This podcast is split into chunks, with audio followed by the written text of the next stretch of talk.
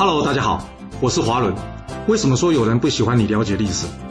因为历史可以让你了解顶层阶级的思考方式，成为他们的竞争者，也可以让你看到许多前人成功以及失败的案例，让你的竞争对手睡不好觉。而最重要的是，历史可以让你了解人性。我们刚刚在战国第二十六集的故事中讲到，这赵武灵王呢想要奋发图强，将赵国带往强国的道路啊，那他的做法是什么呢？增加兵力？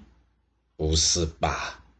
既然知道自己弱小，那在确定自己能保护自己之前呢，就千万别去惹事啊。所以他的策略是先跟附近的国家友好，搞好外交关系，接下来才是进行内部的改革啊。他将这赵军的作战主力啊彻底的改变。最后呢，把握时机灭了这中山国。这赵武灵王就是因为他很务实啊，所以他最后能成功。他让赵国变强的方法是从根本的强化自己的战力以及呢外交上的国力啊，而不是用滥竽充数的方法去找一大堆士兵啊。这大国兵力多战力强，其实就跟大公司人多一样。这是因为什么？因为他国力够，实力够。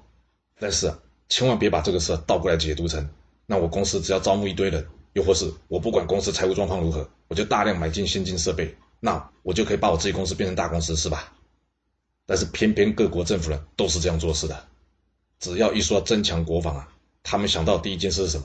就是要增加士兵啊，然后怎样买武器，甚至在延长役期，就是延长工时啊。前面说过很多次啊，战争啊是国力整体总和的表现啊，这整体的国力总和不如对方啊，这战争的结果几乎就是必败无疑啊。那这一定会打败仗，还要打吗？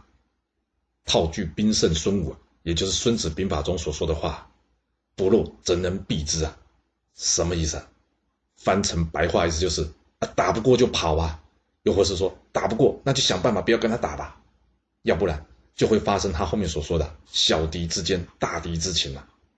这句话白话意思就是呢，弱小的一方要是拼死硬打，最后啊会变成强大一方的俘虏啊。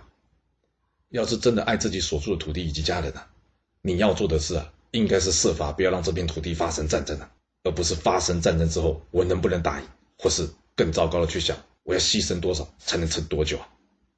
要是你有听我之前说的故事啊，你就会知道战争的本质啊，就是夺取资源、获取利益啊。今天有什么东西值得拿出你的生命或是你的家产去拼吗？啊，要是有，那你就去拼吧。啊，若是没有啊。你是在为自己的土地、财产或是家人努力，还是在为其他人的土地、财产或是利益在努力啊？那至于在一旁的人，他们说的话，我们要怎么参考呢？这样说吧，要是你看到街上有两个人在打架，先不说这两个人谁对谁错啊，你觉得在一旁劝架的人，他这么做是对的，还是在一旁提供这两个人武器棍棒的人是对的？将这比喻啊，用来比照两国之间发生战争的时候，其他各国的动作，不就显而易见吗？这些道理啊，其实并不深奥，也不难明白。难的是啊，我们没有办法了解这些政客啊，他在背后盘根错节的利益交换，又或是说他有什么痛脚把柄落在别人手上。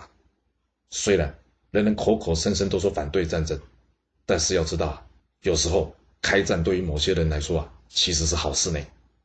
因为啊，死的是别人，但赚的满盆满钵的是他自己啊。要不然，怎么会有“枪声一响，黄金万两”这句话？了解了这点之后，你就可以判断了，你是要帮别人的利益去拼命，还是好好照顾自己。战争开打的地方，一定是损失最大的地方。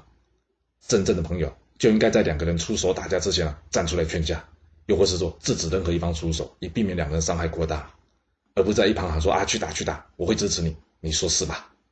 若是您有其他的想法，也欢迎留言分享你的看法给大家哦。好了，我们今天就先说到这。若是你想要知道完整版的故事内容，欢迎您可以到说明栏中找到我爱故事频道的连结。要是你喜欢这个频道，还要麻烦您动动你的手指，点赞、订阅、追踪，或是给我五星评价的支持以及留言分享哦。谢谢您来收听，我们下次再见。